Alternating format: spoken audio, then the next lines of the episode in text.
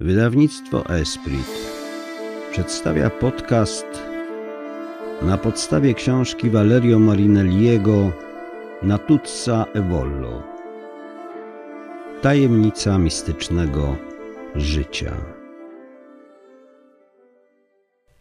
Od wczesnych lat młodzieńczych Natuzza znosiła różnego rodzaju cierpienia o charakterze zarówno fizycznym, jak i psychicznym oraz duchowym.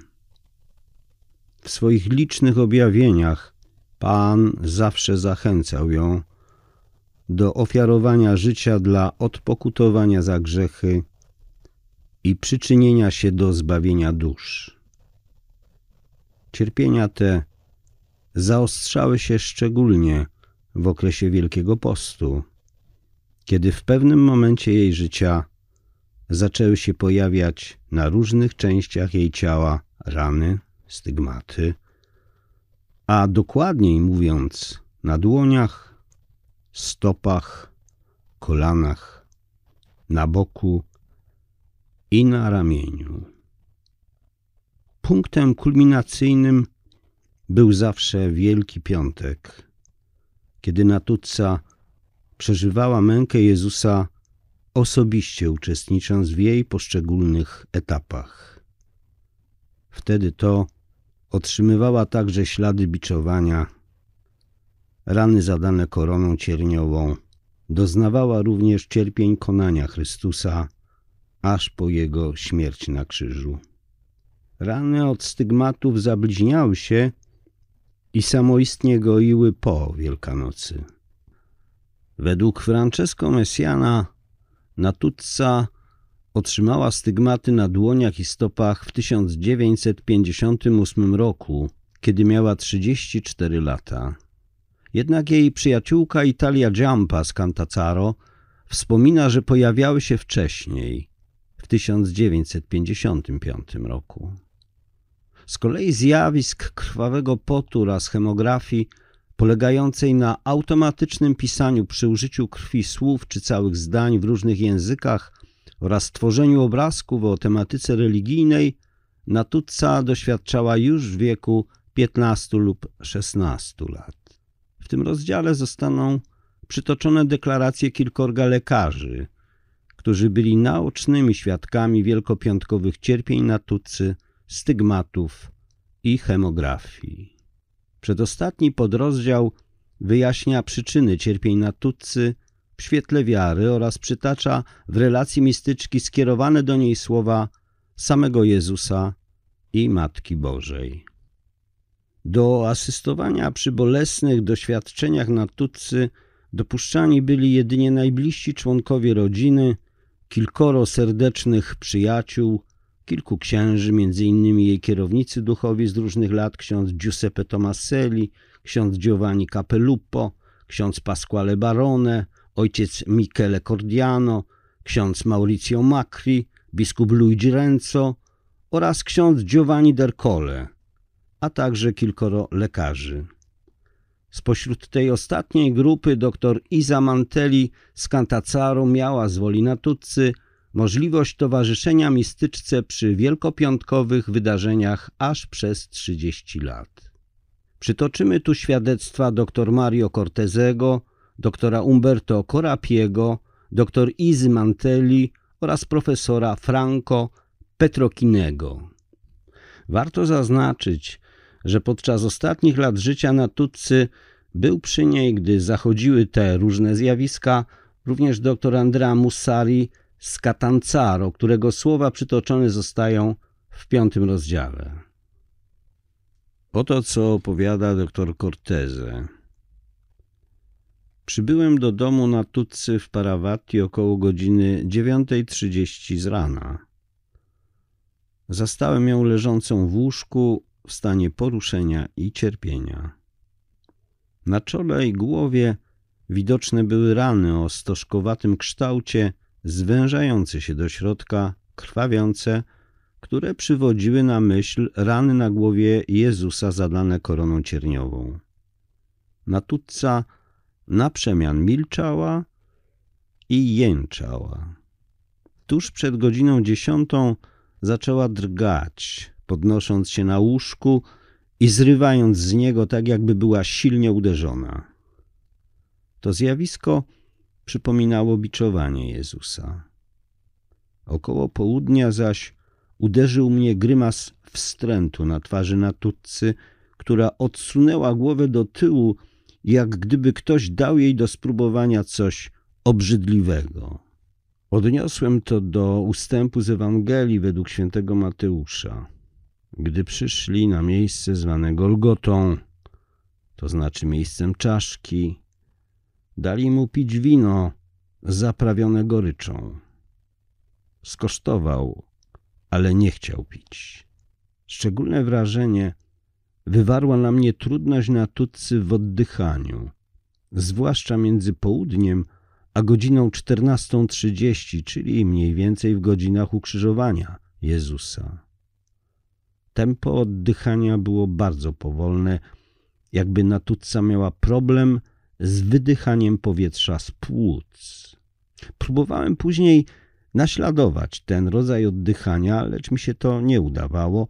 Niemożliwe więc było, aby natutca oddychała w ten sposób z własnej woli, tym bardziej, że cierpiała na wadę zastawki mitralnej. Zastanawiając się nad tak niezwykłym sposobem oddychania, pomyślałem, iż musiał to być oddech osób ukrzyżowanych, którzy umierali właśnie przez uduszenie. Nie byli bowiem w stanie dokonać wymiany powietrza w płucach. Z powodu rozciągnięcia tułowia zawieszonego na przybitych gwoździami rękach wielką trudność krzyżowanych sprawiał ruch przepony potrzebny do usunięcia z płuc zużytego powietrza. Każdy oddech wywoływał nieopisane boleści, gdyż skazani na te męki musieli zapierać się na przygwożdżonych stopach, by unieść ciało i wypuścić powietrze. Około 14.30 Natutca rozluźniła się i pozostała kilka minut w stanie odrętwienia. Następnie zwróciła się do mnie oraz do pozostałych osób obecnych w pokoju i pozdrowiła nas, jakby dopiero teraz widziała nas po raz pierwszy. Kilka dni później wróciłem, aby ją odwiedzić. Zapytałem – no to co?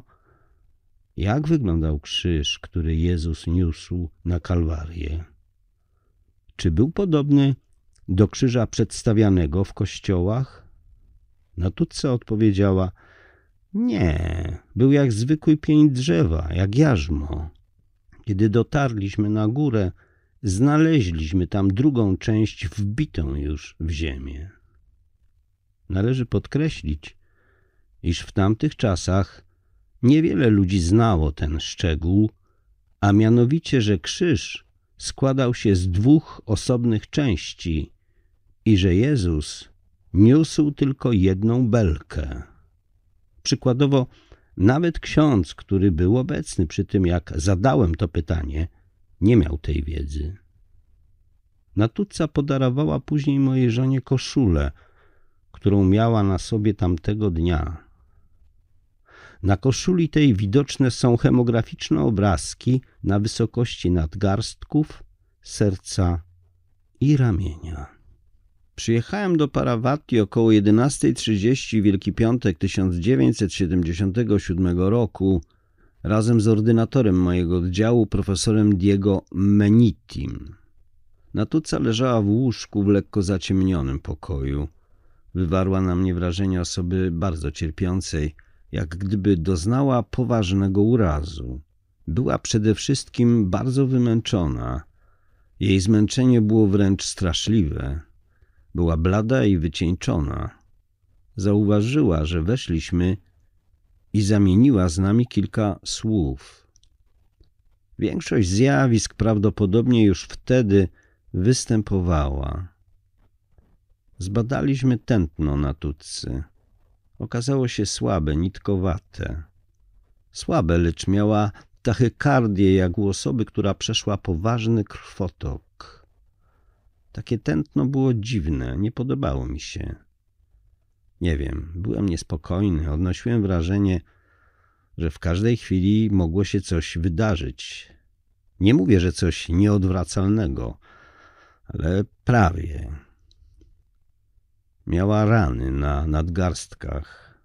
Wszystkie się zabliźniały, z wyjątkiem jednej.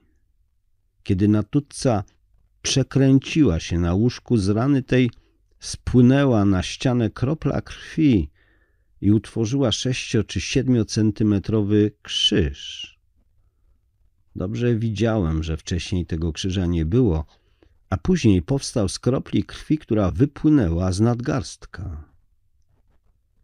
Natutca miała na głowie duże i głębokie rany, z których choć nieobficie sączyła się już krew. Ze skroni na poduszkę spłynęła jedna kropla krwi, która napisała jakby piórem drukowanymi literami zdanie Venite ad me omnes, przyjdźcie do mnie wszyscy.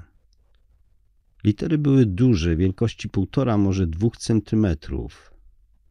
Wydarzyło się to bardzo szybko, na moich oczach.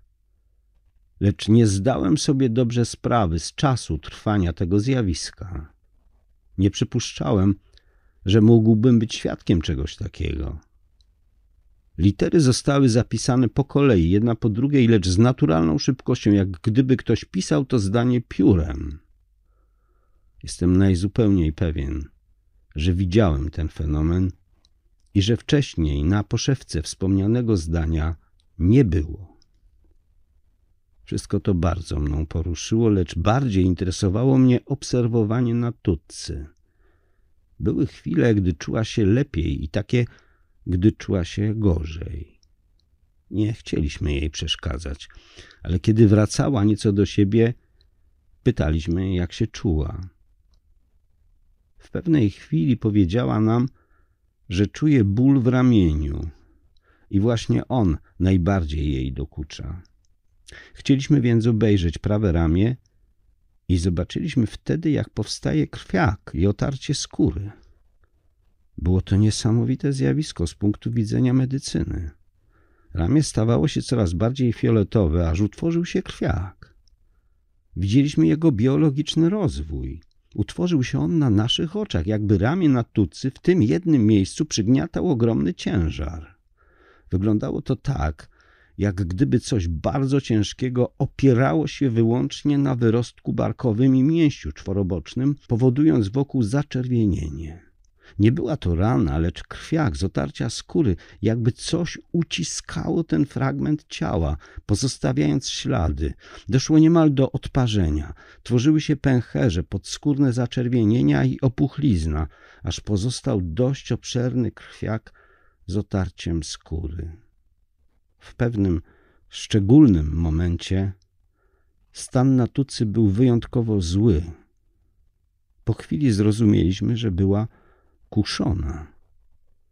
Oddaliliśmy się więc, nie chcieliśmy jej przeszkadzać, gdyż bardzo cierpiała. Z tego też powodu nie byliśmy przy niej obecni na każdym etapie jej doświadczeń.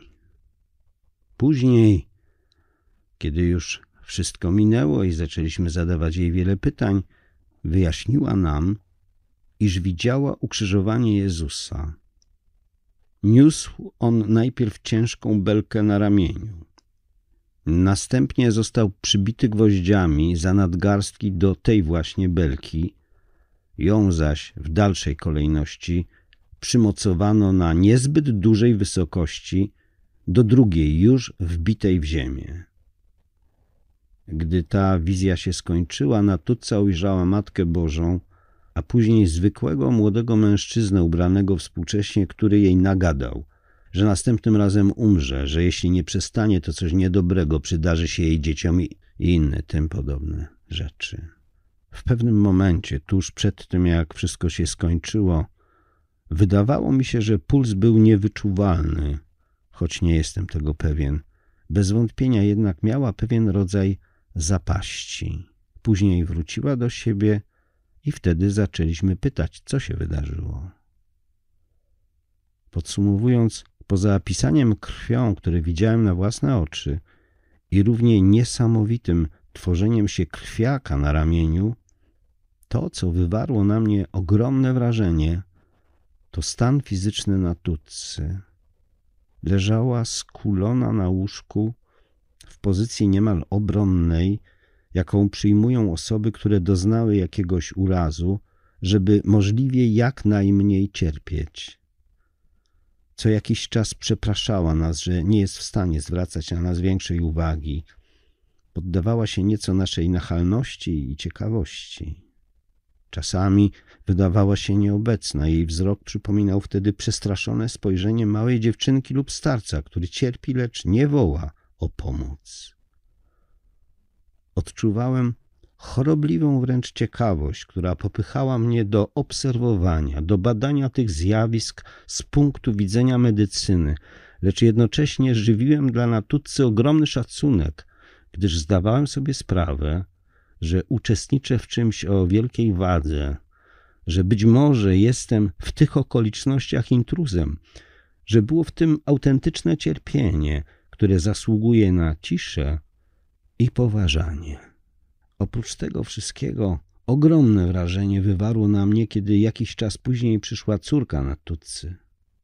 Weszła do domu płacząc, płakała gwałtownie, ale jakby ze szczęścia, iż jej matka została przywrócona do życia. Ten pocieszający płacz bardzo mnie poruszył. Tak samo jak głębokie ludzkie spotkanie tych dwóch kobiet. Córka obejmowała matkę płacząc, a matka pocieszała ją, mówiąc, że czuje się dobrze i że wszystko już minęło. Córka, która miałaby najmniejszą wątpliwość co do doświadczenia matki, nie płakałaby w ten sposób. Doktoriza Mantelli Catanzaro Przez dwa kolejne lata, w 1979 oraz w 1980 roku, Towarzyszyłam na tutce Wollo podczas jej cierpień Wielkiego Piątku i zaświadczam, że osobiście widziałam, jak z krwi ze stygmatów tworzyły się na prześcieradle święte obrazy lub napisy odwołujące się do Pisma Świętego. Tak samo było z poduszką, na którą spłynęła kropla krwi z jej głowy. Tego roku zostało napisane następujące zdanie – o Maryjo, bez grzechu poczęta, módl się za nami, którzy się do Ciebie uciekamy. Przez trzy godziny między dwunastą a piętnastą na tutce dręczyły niewypowiedziane cierpienia i wzmagające się trudności w oddychaniu, jak u kogoś, kto umiera przez uduszenie. Na koniec zrobiła się sina, a jej ciałem wstrząsnęły trzy silne spazmy. Wyglądała jakby umarła, lecz powoli wróciła do siebie. Od trzech lat 1979 do 1981 towarzyszę na Tutcy Wielki Piątek. Przychodzę zawsze w południe i zastaję ją wtedy już cierpiącą na łóżku w złym stanie. Poza widocznym cierpieniem fizycznym doświadcza ona przede wszystkim ogromnych cierpień moralnych. Na pierwszy rzut oka niezrozumiałych, gdyż otacza ją atmosfera miłości. Wygląd na Tutcy to wygląd kobiety udręczonej fizycznie i duchowo. To wygląd Chrystusa. Cała jest jedną wielką raną. Obrażenia na dłoniach są ogromne, czasami krwawią, czasami nie. U nasady włosów na czole ma liczne ranki w kształcie litery X, z których niekiedy sączy się krew. Są też rany na stopach. W tym roku nie widziałam, żeby krwawiły, ale w zeszłym roku tak, albowiem kiedy wstała z łóżka w pewnej chwili nagle otworzyła się jedna z nich. Natuca cierpi jednak nie tylko z powodu tych ran na ciele, ale też wtedy, gdy widzi pewne nieprzyjemne obrazy. Najbardziej cierpi, gdy widzi demona. Pokazuje on jej pogrom jej rodziny i dzieci. W wizjach tych dzieje się z nimi coś złego i umierają oni gwałtowną śmiercią. To jedyna sytuacja, kiedy Natutca się buntuje. Tego nie mogę znieść, tego nie zniosę, nie, tego nie, powtarza. Jednak zaraz po takim kuszeniu ogarnia ją stan podobny do ekstazy. Przestaje mówić, jej oczy pozostają utkwione w jednym punkcie, a twarz się rozpogadza, jak gdyby była nagradzana za cierpienie. Wszystko to trwa kilka godzin, do 14.30. Na końcu Natutca wygląda tak, jakby próbowała czegoś gorzkiego, po czym wydaje trzy ciężkie tchnienia, podobne do ostatniego tchnienia osób pogrążonych w śpiączce. Następnie Natutca opada na łóżko z rękami rozciągniętymi jak na krzyżu, głową pochyloną i skrzyżowanymi stopami. W tym stanie pozostaje przez kilka minut. Wargi robią się sine, skóra zimna, lecz tętno jest wyczuwalne, bardzo słabe, ale nadal jest. W tym roku próbowałam ją poruszyć. Podnieść jej głowę, aby dać kilka kropel synefryny, zanim oderwała ręce, ale nie zdołałam jej podnieść. Natutca bowiem zawsze w takich sytuacjach jest sztywna, jakby przygwożdżona, po czym sama porusza najpierw jedną, potem drugą ręką, zaczyna oddychać, oczu nie otwiera od razu. Dopiero po tym podaje jej krople i wszyscy wychodzimy. Natuca zasypia. Przez cały opisany przeze mnie czas, przez trzy godziny, zachodziło zjawisko, w którym krew sama coś pisze. Nie sądzę, aby cierpienie Natutcy dało się wyjaśnić naukowo. Doznaje ona jakby uczucia duszenia. Gdyby ktoś obserwując Natutce chciał wyciągnąć wnioski o śmierci Chrystusa, powiedziałby, iż umarł on przez uduszenie. Rzeczywiście, zostało udowodnione, że pozycja, w jakiej przybijano skazańca do krzyża, uniemożliwiała rozszerzanie się klatki piersiowej. Natutca ma jakby asfiksję i uporczywy kaszel przez całe trzy godziny, co bardzo jej przeszkadza. Na końcu zaś wydaje te trzy głębokie tchnienia, jak gdyby usiłowała oddychać, lecz bez powodzenia. I do tego rzężenie umierającego. Dwa lata temu, w Wielki Czwartek, zbadałam rany w jej piersi. Zmieściły się w niej trzy palce. Zazwyczaj z krwi pochodzącej z tej właśnie rany powstaje później w Wielki Piątek rysunek serca na koszuli. Natutca leży wyciągnięta na łóżku, czasami zmienia pozycję, podnosi się nieco, aby zaczerpnąć powietrza lub aby zwyczajnie poczuć, że ktoś jest blisko niej. Zazwyczaj w chwilach kuszenia chwyta się kurczowo swojej córki Anny Marii, ściska ją, obejmuje, Córka przytula ją i Natutca pozostaje w tej pozycji. Później zaś ma wizje ekstatyczne. Wydaje się, że te trzy godziny trwają wieczność. Pozornie przebiegają one zawsze tak samo, bez większych zmian z roku na rok. W tym roku jednak miała straszliwe rany na stopach i starte kolana, jak u dzieci, kiedy upadają. Przykre wizje trwają kilka minut, lecz nie jestem pewna dokładnego czasu ich trwania, gdyż sama tracę wtedy poczucie czasu. Wizje przyjemne są krótsze, tak mi się wydaje. Kiedy Natutca ma bolesne wizje, przytula się do córki, a ta ją pociesza, mówiąc: Jesteśmy tutaj wszyscy, nic złego nam się nie dzieje.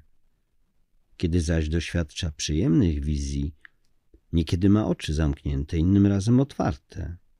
W tym drugim przypadku utkwione w jednym punkcie, Znikamy więc z jej pola widzenia. Prawdopodobnie nie jestem nigdy obecna przy wszystkich fazach jej cierpienia, gdyż późno przybywam na miejsce.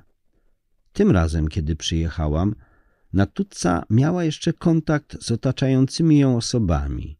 Powitała mnie i powiedziała, że bardzo bolał ją żołądek. Później jednak stopniowo traci kontakt z innymi i staje się coraz bardziej od nas oddalona.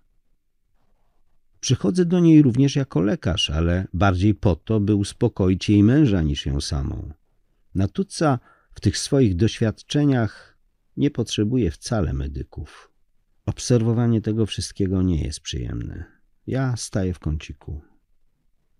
Obserwowanie tak silnego cierpienia, w którym nie można uczestniczyć, którego nie można zrozumieć i któremu nie można zaradzić, wywiera na mnie ogromne wrażenie.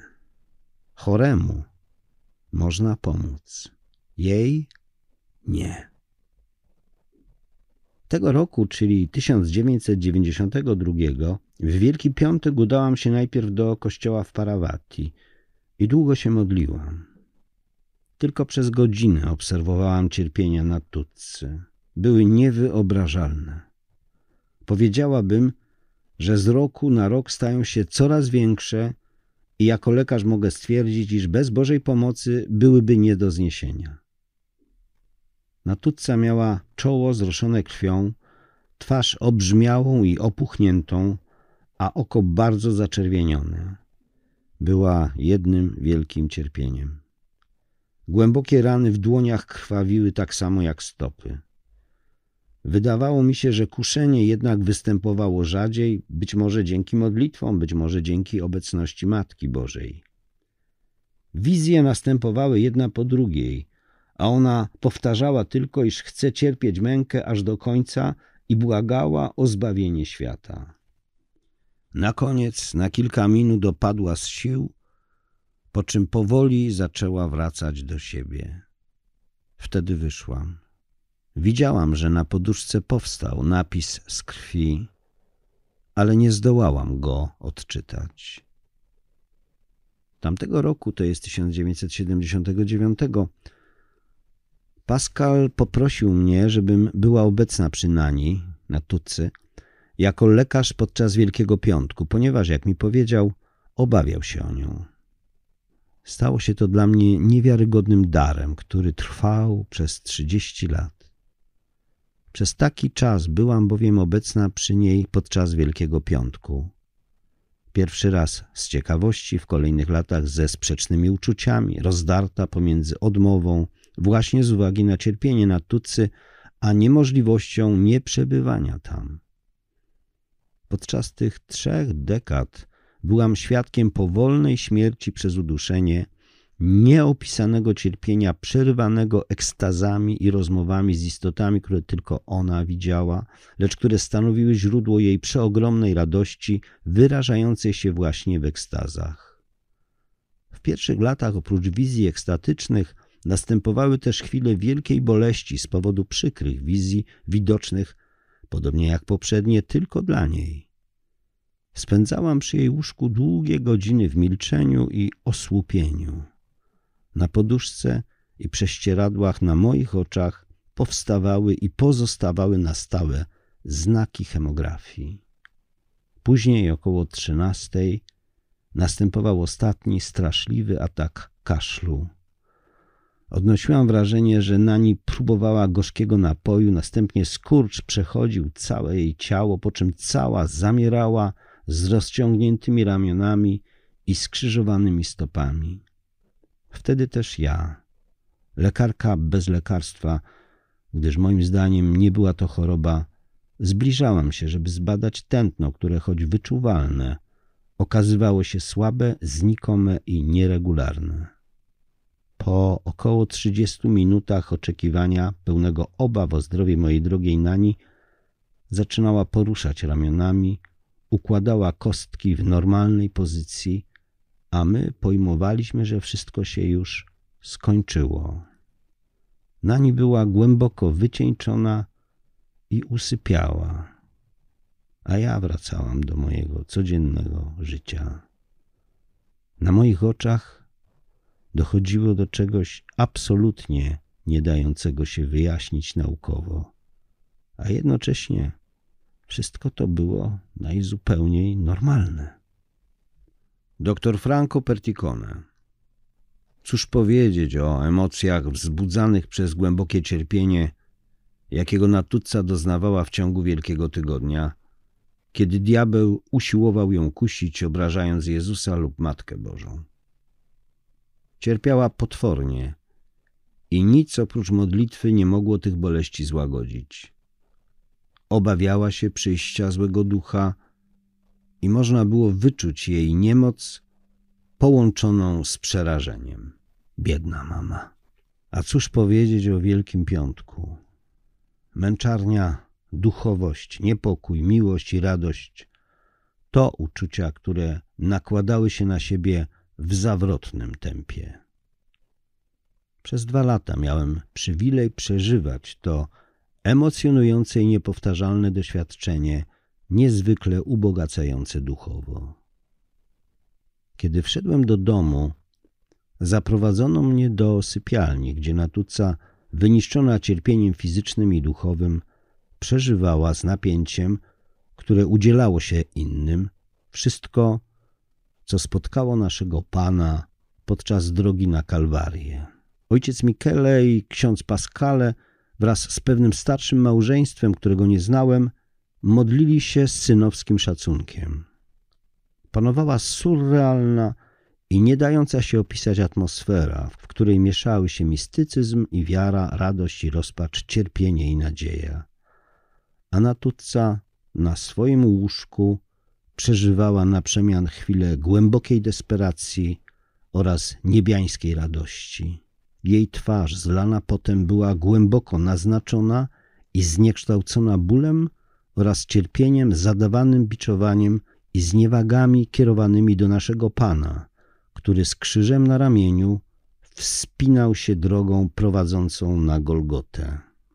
Łzy bólu spływały obficie po jej twarzy, zmienionej nie do poznania i sączyły się na białe, bawełniane prześcieradło, na którym w zaskakujący sposób układały się w purpurowe wersy pisma.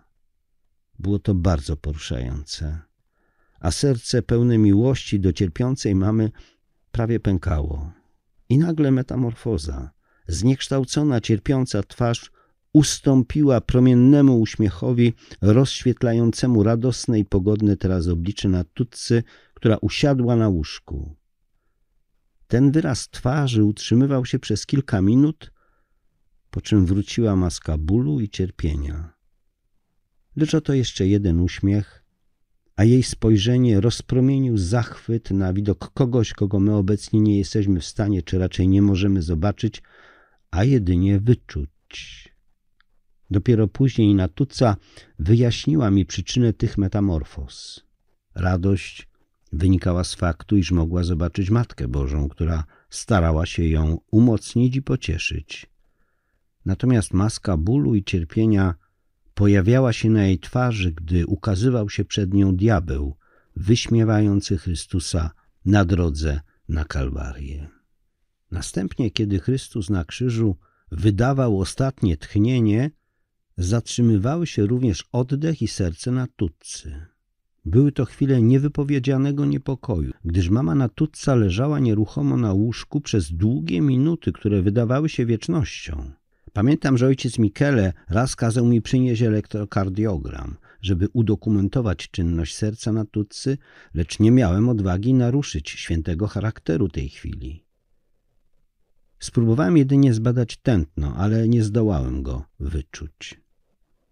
Przyjrzałem się też klatce piersiowej, ta jednak nie poruszała się tak, jak powinna przy oddychaniu.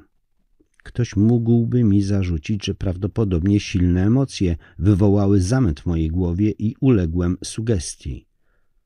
Cóż, nie wstydzę się przyznać, że wrażenia były rzeczywiście silne i porywające, lecz pamiętam z całą pewnością, że w każdym momencie zachowywałem jasność umysłu i obiektywizm, aby właściwie przeanalizować nadzwyczajne wydarzenia, którym miałem przywilej osobiście się przyglądać. W każdym razie po około 18 minutach mama otworzyła oczy, jej klatka piersiowa zaczęła się rytmicznie poruszać, a puls był znów wyczuwalny. Podobnie jak Chrystus, Natutca zmartwychwstała. To, co tu opowiedziałem, nie jest w stanie właściwie oddać lawinę emocji i wrażeń, jakie następowały po sobie, jakich doświadczałem tamtego wielkopiątkowego ranka. Jednocześnie jest to jednak zrozumiałe, gdyż ta wewnętrzna lawina uczuć czyni wspomnienie owych wydarzeń wyjątkowym i bardzo osobistym. Słowo hemografia, oznaczające pisanie krwią, to neologizm nie występujący jeszcze w słownikach języka włoskiego ze względu na rzadkość użycia. Zjawisko określane tym pojęciem występuje u natutcy i polega na samorzutnym tworzeniu się z krwi sączącej się przez skórę lub pochodzącej ze stygmatów, rysunków, symboli słów i zdań o charakterze religijnym w różnych językach, na chusteczkach, opatrunkach, ubraniach oraz innych tkaninach, które miały kontakt z tą krwią.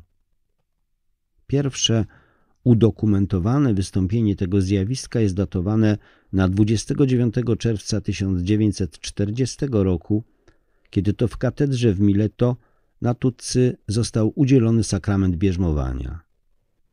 Po jego otrzymaniu Natutca zorientowała się, że ma mokre ramiona.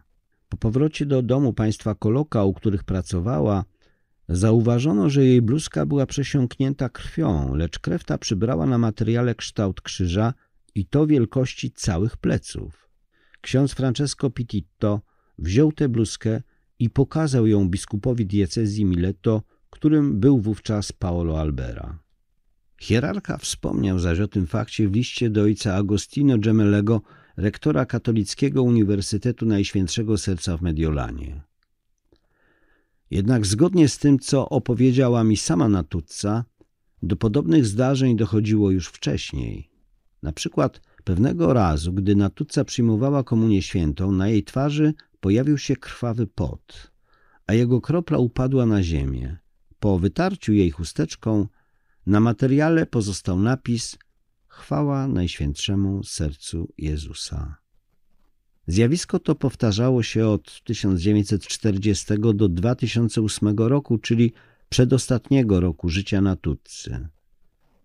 Zazwyczaj hemografie powstawały w okresie Wielkiego Postu i Wielki Piątek, przede wszystkim z krwi wypływającej ze stygmatów. Liczbę hemografii powstałych za sprawą Natutcy prawdopodobnie można szacować na tysiące. Nie można mieć żadnych wątpliwości co do autentyczności tego zjawiska, gdyż potwierdzają je liczni naoczni świadkowie, osoby o zróżnicowanym pochodzeniu społecznym i doświadczeniu kulturowym. W każdym z ośmiu tomów Natuzza di Paravatti poświęciłem temu tematowi osobny rozdział. W tej publikacji przedstawionych jest kilka przykładów hemografii, a poniżej przytaczam świadectwa i opinie kilkorga lekarzy. Autorem pierwszego bezpośredniego świadectwa lekarskiego poręczającego autentyczność zjawiska jest dr Anibale Puka, dyrektor szpitala psychiatrycznego w Reggio Calabrii, który przez dwa miesiące, począwszy od kwietnia 1941 roku, badał przypadek Natuzzy, mającej wówczas 16 lat na prośbę biskupa Mileto Paola Albery.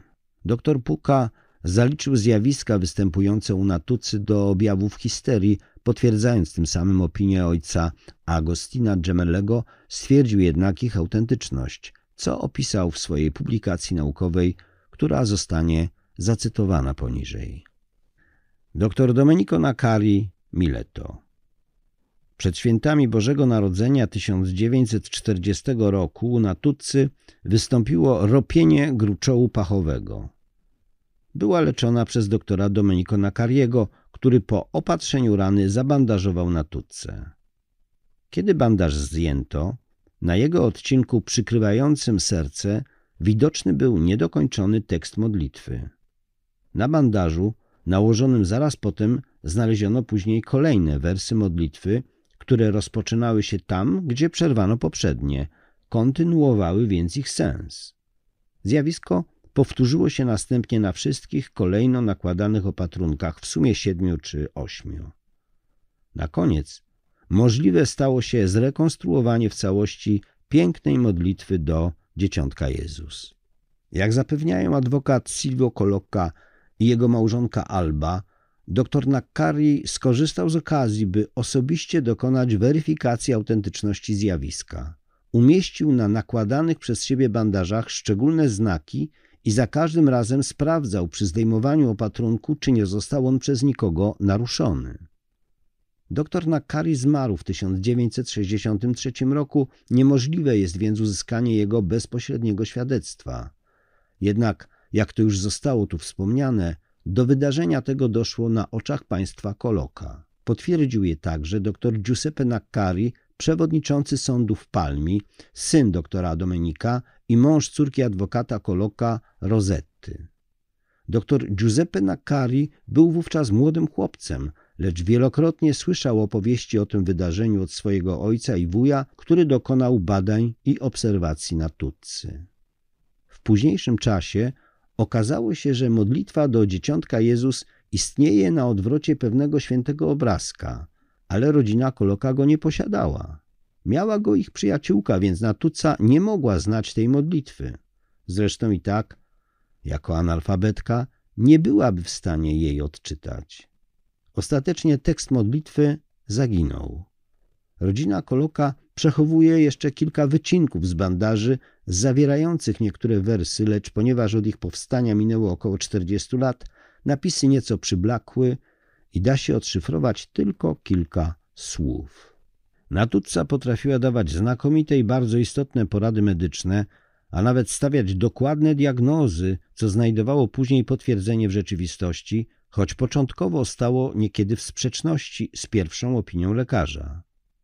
Rad tych udzielała wszystkim, którzy popychani potrzebą udawali się do niej, a więc osobom o różnym wykształceniu i wywodzącym się z różnych warstw społecznych. Z prostotą i naturalnością wyjaśniała, że rady te podsuwali jej aniołowie stróżowie osób, z którymi rozmawiała, lub jej własny anioł stróż. W moim zbiorze na Tuce di Paravatti zamieściłem liczne świadectwa potwierdzające, iż posiadała taki dar. Tutaj natomiast przytoczę kilka porad i diagnoz udzielonych samym lekarzom, a zatem osobom, które bardziej niż inne są w stanie ocenić ich autentyczność i wartość. Dr Umberto Corapi, Messina Adwokat Saverio Menitti, brat profesora Diego Menittiego, ordynatora oddziału ortopedii szpitala w Nicastro, przeszedł operację chirurgiczną dróg żółciowych z usunięciem kamieni z przewodu żółciowego wspólnego. Był wówczas młodym mężczyzną, miał żonę i wiele dzieci. Operacja była prosta, wykonał ją doskonały chirurg i wszystko przebiegało dobrze, lecz nagle nastąpiły powikłania, których nawet chirurg nie potrafił wyjaśnić. Wystąpił skręt pętli jelita i poważna kardiomiopatia toksyczna. Pacjent pozostawał cały czas pod doskonałą opieką lekarską, ale jego stan ciągle się pogarszał, aż w końcu rodzina oraz lekarze stracili nadzieję na jakąkolwiek poprawę.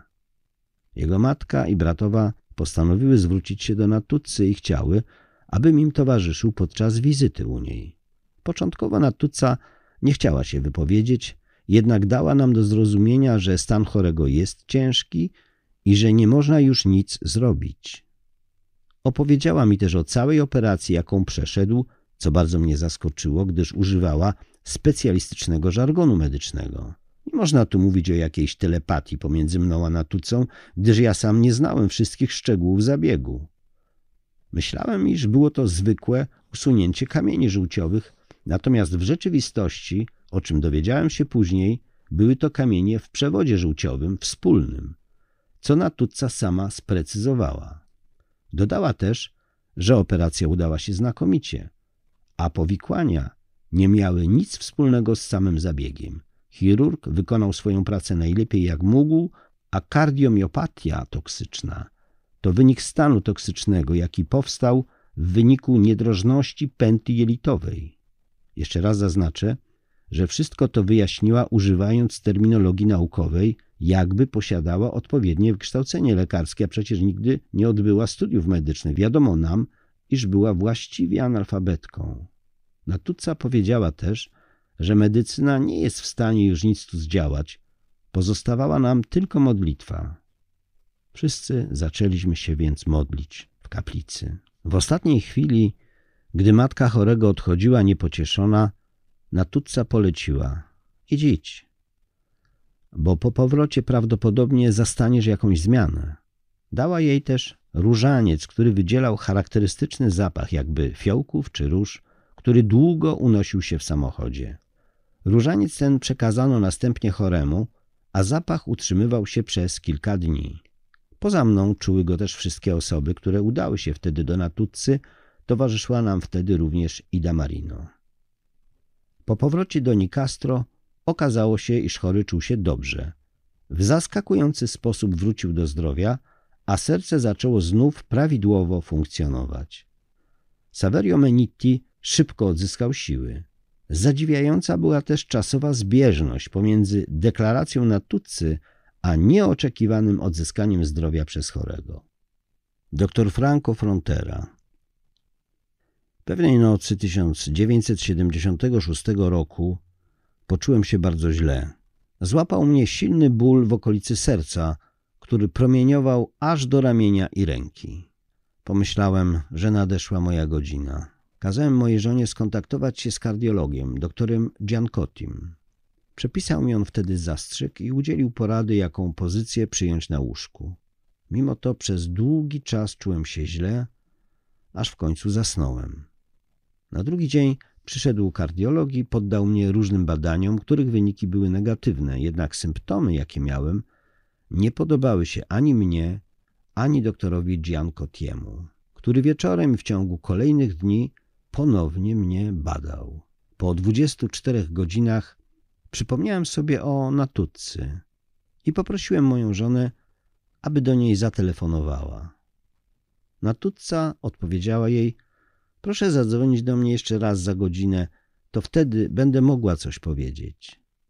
Kiedy moja żona ponownie się z nią skontaktowała, Natutca z zadowoleniem powiedziała, niech pani powie mężowi, żeby się nie martwił. To nie był zawał. Miał kolkę żółciową. Niech przez kilka dni odpoczywa, a wszystko będzie dobrze. Ta diagnoza na tutcy była dla mnie bardzo przekonująca, również z naukowego punktu widzenia, a to z powodu bulgotania w brzuchu, jakie miałem tamtej nocy po zastrzyku przeciwskurczowym. Musiało to wynikać z uwalniania się żółci do jelita. Wróciłem więc do pracy w klinice, Kładłem się do łóżka tylko wtedy, gdy przychodził zbadać mnie kardiolog, jednak po kilku dniach uznałem, że należałoby go poinformować o zaistniałej sytuacji. Był zaskoczony i doradził mi poddać się dalszym badaniom EKG, wysiłkowemu i innym. Po tygodniu udałem się do Natutcy, która jeszcze raz mnie uspokoiła, potwierdzając swoją diagnozę i zapewniając mnie, że będę mógł wieść normalne życie jak dotychczas, łącznie z kontynuowaniem gry w tenisa, co praktykowałem od dłuższego czasu. Od tamtej pory aż do dziś, a minęło już 8 lat, czułem się zawsze doskonale. Natuca posiadała dar bilokacji od 15 roku życia aż do śmierci. Jej bilokacja przyjmowała różne formy. Widzialną, a więc z pojawieniem się. Niewidzialną, świadkowie słyszeli hałasy lub głosy, odczuwali zapachy i doznawali wrażeń dotykowych. We śnie z trwałym oddziaływaniem materialnym, często pojawiał się m.in. supeł na różańcu, z przenoszeniem przedmiotów na odległość, niekiedy z odnajdywaniem śladów krwi pochodzących bez wątpienia z jej stygmatów. W pierwszych dziewięciu tomach mojej pracy na Tuce di Paravati udokumentowałem kilkaset przypadków bilokacji. Tutaj przytoczę wybrane świadectwa bilokacji, te, do których doszło w obecności lekarzy. Dr Filippo Grimaldi w niedzielę 2 maja 1999 roku pomiędzy godziną 10 a 11 znajdowałem się w hotelu w Citilio w prowincji Varese razem z moim kolegą lekarzem, gdyż pracowałem wtedy w Citilio w szpitalu. Rano poszliśmy na mszę świętą, po czym wróciliśmy do hotelu. Włączyłem telewizor i zobaczyłem, że transmitowali właśnie ceremonię beatyfikacji ojca Pio. Na placu świętego Piotra zgromadziło się wielu ludzi. W pewnej chwili kamera zatrzymała się na zbliżeniu twarzy różnych osób i nagle ujrzałem w katedrze Natuce Volo. Miała okulary przeciwsłoneczne, twarz nieco jej drżała. Zauważyłem też, lekarskim okiem, że miała nieco zniekształconą szparę ust. Wcześniej widziałem na Tutce tylko raz w telewizji w 1992 roku w programie Pinonana. Rozpoznałem ją jednak Nie miałem cienia wątpliwości i natychmiast wykrzyknąłem: No pewnie, na beatyfikację ojca Pio nie mogło zabraknąć na tutcy. Później w czerwcu moi przyjaciele Giovanni oraz Palma Lerose z Rocca Bernardy opowiedzieli mi, że rankiem 2 maja byli w Paravatti i zostali przyjęci przez Natutce w jej pokoju w ośrodku dla osób starszych. W pewnej chwili Natutca poprosiła męża, by włączył telewizor, gdyż transmitowano beatyfikację ojca Pio. Pasquale natychmiast spełnił prośbę żony. Podczas rozmowy z gośćmi Natutca co jakiś czas zerkała na telewizor, a zatem 2 maja Natutca nie była w Rzymie, lecz w Paravati. Kiedy 30 października tego samego roku po raz pierwszy osobiście spotkałem Natutce właśnie w Paravati, zapytałem ją o różne rzeczy, w tym kilka razy dopytywałem, czy 2 maja udała się duchowo do Rzymu na beatyfikację ojca Pio, na co odparła, oczywiście, że tam byłam. Dodała także, iż została tam zaniesiona przez pewne dusze z czyśćca. W nocy z 13 na 14 czerwca 1999 roku śniło mi się, że znajdowałem się w pobliżu maleńkiego kościółka na wsi. Biegła tamtędy polna droga, po której szło wielu ludzi, jakby to była jakaś religijna uroczystość. Rozpoznawałem wśród tych osób mojego proboszcza, księdza Francesco Cavarette i innych mieszkańców mojej miejscowości. Znajdował się tam sad oliwny z ponad stuletnimi drzewami oliwnymi, a jakaś kobieta głosiła kazanie, jakby prowadziła ewangelizację. W pewnej chwili powiedziała: Teraz uklęknijcie, gdyż przejdzie tędy Jezus. Musicie mu złożyć coś w ofierze. Wszyscy uklękli, z wyjątkiem mnie. Lecz widząc, iż osoby z mojej miejscowości również przyklękły, sam także to zrobiłem. Zaraz potem poczułem trzy powiewy wiatru, które sprawiły, że się zachwiałem, co zinterpretowałem jako przejście Pana. Zobaczyłem wtedy, że zebrani tam ludzie cierpieli, ponieważ składali Jezusowi coś w ofierze. Kobieta, którą widziałem we śnie, miała około 40 lat i przypominała Natutce w młodości. Następnie stanąłem opierając się o jakiś zrujnowany budynek. Potem zidentyfikowałem je jako ruiny w Parawati, gdzie stoją trzy krzyże. W pobliżu tej kobiety i zapytałem, kim jesteś? Na co odparła, jestem Natutca Evolo. Następnie zwróciłem się do niej. Widzę, że czujesz się dobrze. A ona z uśmiechem odrzekła, tak, skoro tak twierdzisz. Jakaś inna osoba, prawdopodobnie jej mąż, powiedziała jednak, nie, nie czuję się dobrze. Wtedy powiedziałem, wiem, że w Roka Bernardzie działa wieczernik modlitwy. A tak właśnie o wieczerniku tym dowiedziałem się w lipcu 1995 roku, lecz nie miałem później okazji się nad tym zastanawiać. Tak, to grupa, na której bardzo mi zależy, odparła. Następnie oboje znaleźliśmy się jakby w metalowej klatce pełnej wody, z której jakoś zdołałem się wydostać. Razem z moją żoną Lucią oraz innymi kobietami udało nam się wyciągnąć stamtąd również na tutce, która omal się nie utopiła. Położyliśmy ją pod drzewem oliwnym. Dotykając jej głowy, ukułem się. Przyjrzałem jej się wtedy uważnie i zobaczyłem duże ciernie wbite w jej skórę. Potem zabrałem moją rodzinę, poszliśmy sobie. Sen się skończył. Ten dziwny sen wywarł na mnie ogromne wrażenie. Kilka dni po tym zdarzeniu skontaktowałem się z Giovannim i Palmą Lerose z Rocar Bernardi, aby dowiedzieć się czegoś więcej o Natutcy. Pokazali mi książkę, w której zamieszczono zdjęcie młodej Natutcy. Wyglądała na nim tak, jak w moim śnie oraz kilka zdjęć terenu należącego do stowarzyszenia. Rozpoznałem na nich miejsce, które mi się przyśniło. Kiedy później udałem się po raz pierwszy do Parawatti, rzeczywiście zobaczyłem sad oliwny, dokładnie taki jak w moim śnie. Kościółek z mojego snu to prawdopodobnie ten, z którego pozostały jedynie trzy krzyże. W tych okolicznościach opowiedziałem Giovanniemu i Palmie, co przydarzyło mi się 2 maja. A oni przypomnieli sobie, iż tamtego dnia o tej samej godzinie byli razem z Natutcą w Parawati.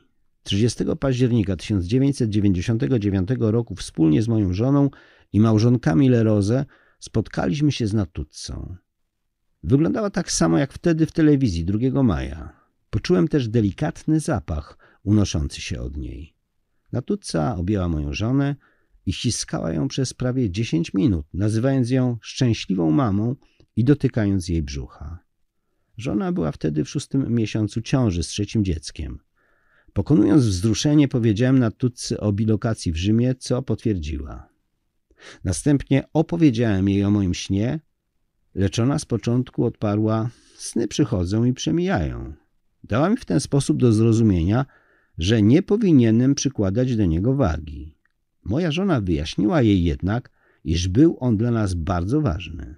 Tak naprawdę miałem bowiem wcześniej zamiar przenieść się na stałe na północ Włoch i złożyłem już nawet wymówienie w szpitalu w Crotone, gdzie od niedawna pracowałem.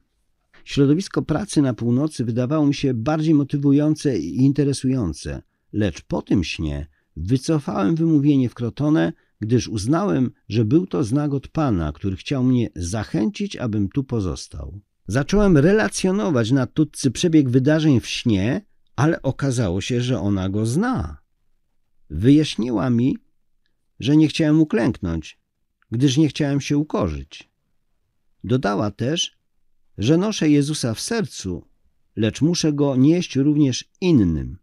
Masz Jezusa w sercu, powiedziała, lecz co z tego, jeśli go nie dajesz innym?